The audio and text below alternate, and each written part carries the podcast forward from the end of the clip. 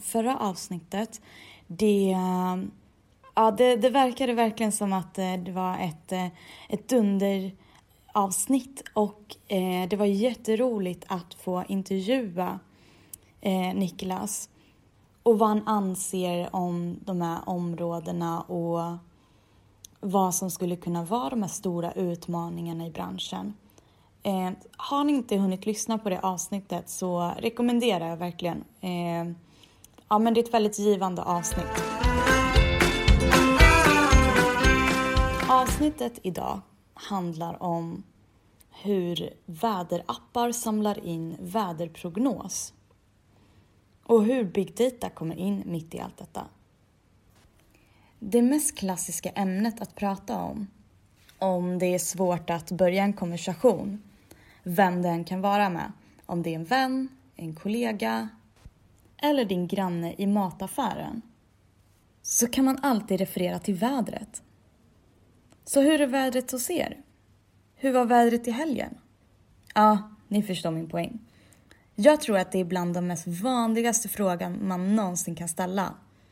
Och speciellt nu, under de här rådande tiderna, då vi vill prata med våra äldre i, som kanske bor i andra länder. Och det typiska ämnet att prata om brukar ju vara vädret. För att kunna göra en väderprognos måste man först och främst kartlägga utgångsläget. Det är viktigt att en heltäckande bild finns av tillståndet i luftvattnet. Bland alla parametrar som samlats in är det bland annat lufttryck, vind, temperatur, fuktighet och moln. Det är flera källor som samlar in denna typen av data. Och de källorna är fartyg, flygplan, väderballonger, väderradar och satelliter. Man kan säga att just satelliter är som ögon i rymden. Med hjälp av flera instrument betar de av stora havsområden samt glest befolkade områden. Så okej, okay. när all insamling av data är färdig och sammanställt görs matematiska beräkningar beträffande kommande väderskeende. Värden för olika parametrar beräknas upp till 10 dygn framåt i tiden. Datat är lagrat i en databas som sedan meteorologerna använder sig av. Och meteorologerna väljer den modell som verkar fånga den mest sannolika utvecklingen. Så när all rådata för prognosen är färdig behöver den förädlas för att det ska bli en begriplig väderprognos som kan presenteras i ja, men exempelvis TV, på internet, vart vi än nu kollar på väderprognosen. Okej, okay, så då har vi fått en uppfattning av hur vädret eh, analyseras och hur det tas fram för att meteorologerna ska kunna utföra sitt arbete. Men om vi håller oss till väderspåret, men vrider på det lite. Om jag ställer en fråga till er då. Ökar ölförsäljningen mer om det är varmt väder?